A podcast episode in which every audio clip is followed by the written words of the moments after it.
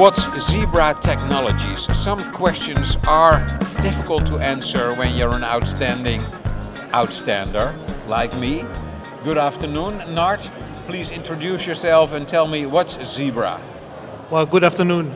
My name is uh, Nard van Heijden, and within Zebra Technologies, I'm responsible for the healthcare market with an end user focus.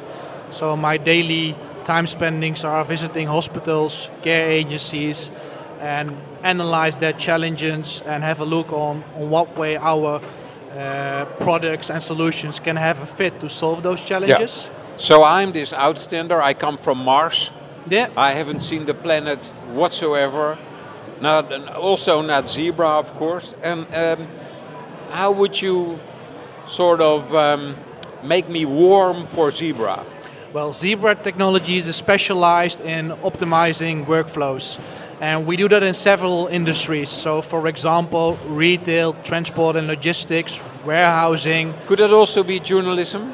Uh, well, well, maybe it depends on like uh, the application you want to implement. But yeah. uh, we also do that in healthcare, and yeah. Zebra is specialized in uh, developing purpose-built solutions. So mm. what we do, in fact, is um, uh, develop solutions for specific industries. So, for example, we have a specific line of products for the healthcare industry, which represents um, special features which are relevant within this industry. So here on this table we have one of our newest product, and this is like the first healthcare enterprise tablet. Can you show it to, to me and yeah, to the course. people who watch this? So um, looks like an iPad. Yeah, it looks like an iPad, but I don't want to name it like an iPad because, like, if you have a look on the, detailed features, it's totally different than an mm. iPad. To give you an example, this is a, a robust tablet, so if you drop it, um, mm. no big problem. Comes back to you, boy. Yeah, yeah, maybe depending yeah. on how yeah. hard you drop it on the floor. Yeah. But it also has an enterprise life cycle. So this year, this product is being sold with an eight years life cycle. Mm. So four years sale, four years support. So within that period, we give our end users the possibility to use this product. Okay. And it's made of medical grade plastics. The battery is removable. So yeah. all kind of features which are. And what's it for? You can use it for different applications. Um, to give you just an example, uh, telehealth.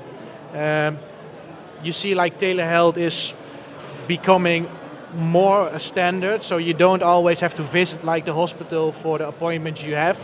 So in fact, um, the patient and the doctor could have a conversation on this tablet.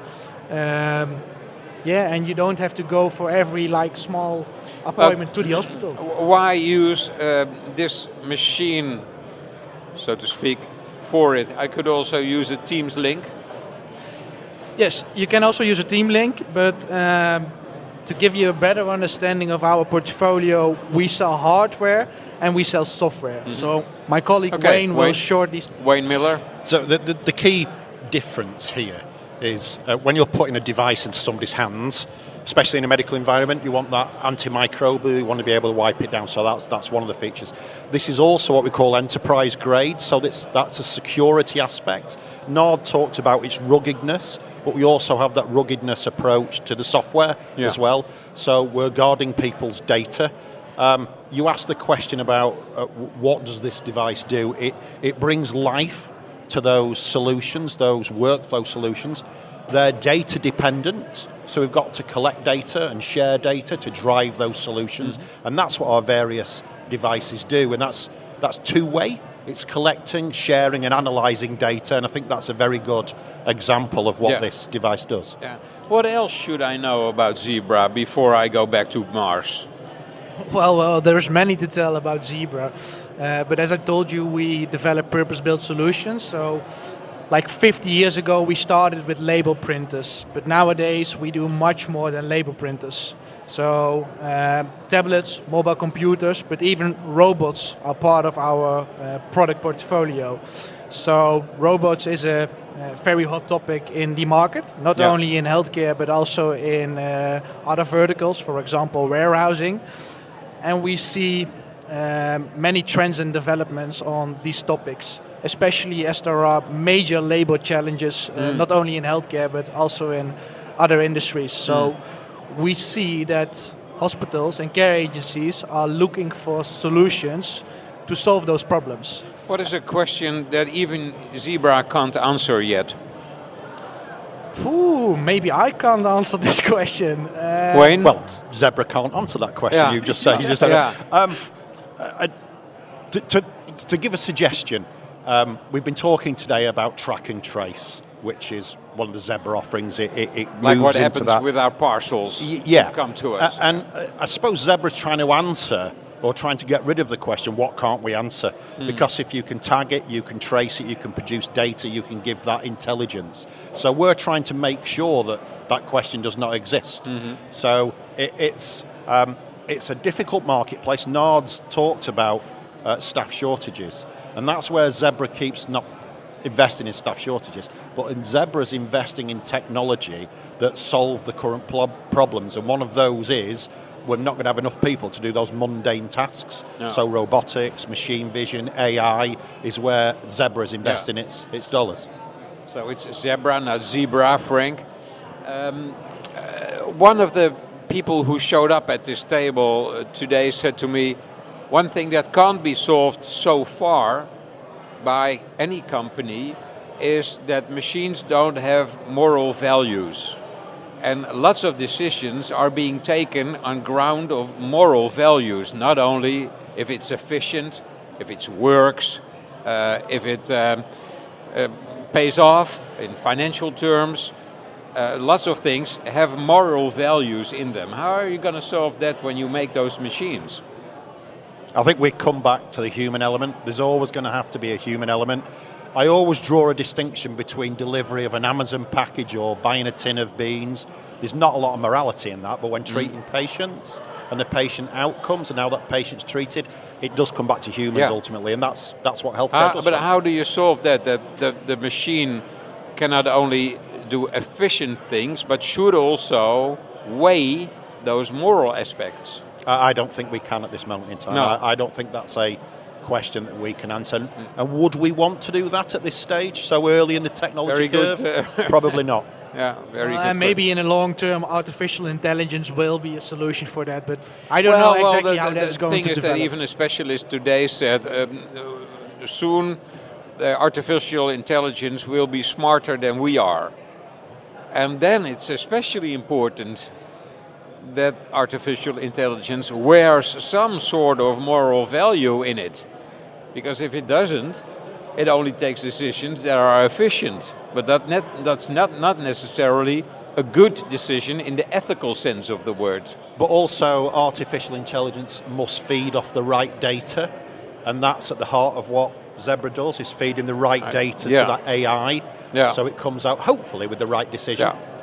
If, if I would say um, that that you are Mr. Kuipers. Uh, uh, who was here this morning. He runs the Department of Healthcare in Holland. What would you do in his place? What kind of dream measure would you take? What is your wish to bring to Holland if you'd be the responsible politician?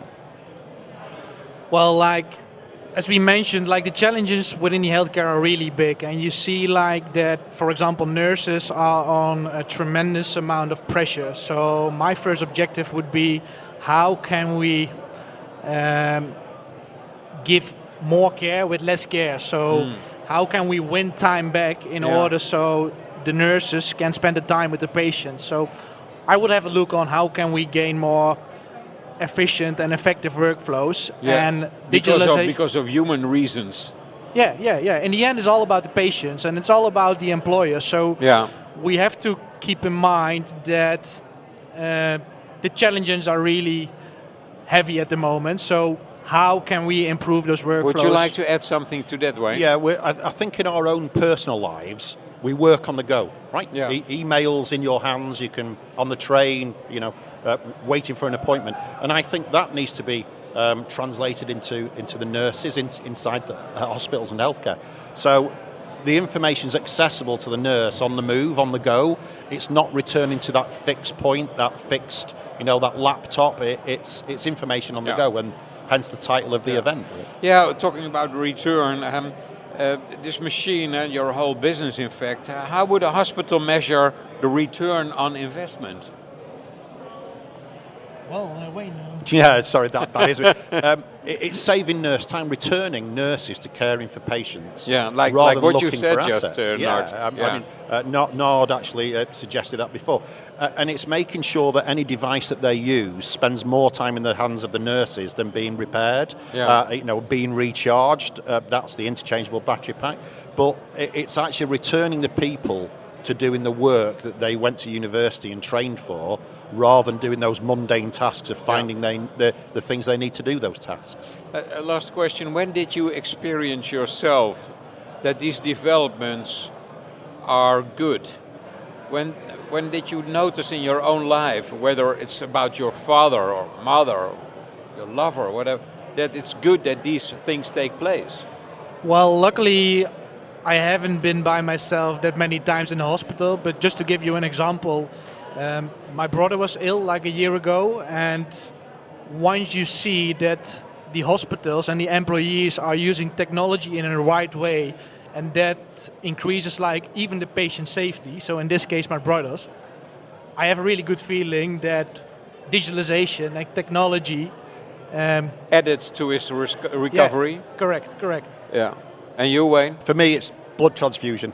I'm a lifelong blood donor, Uh-huh. and from day one when I started, it's been zebra labels on the blood bag with a zebra printer, and then recently it's moving into the hospital. It's a zebra scanner that's scanning the blood bag and scanning my wristband. It's close to my heart, if you excuse the pun. Mm. No, but that's no. when it really brings home exactly Yeah. what zebra Okay. do. Thank you, both. Thank you. you. Thank you. Thank you.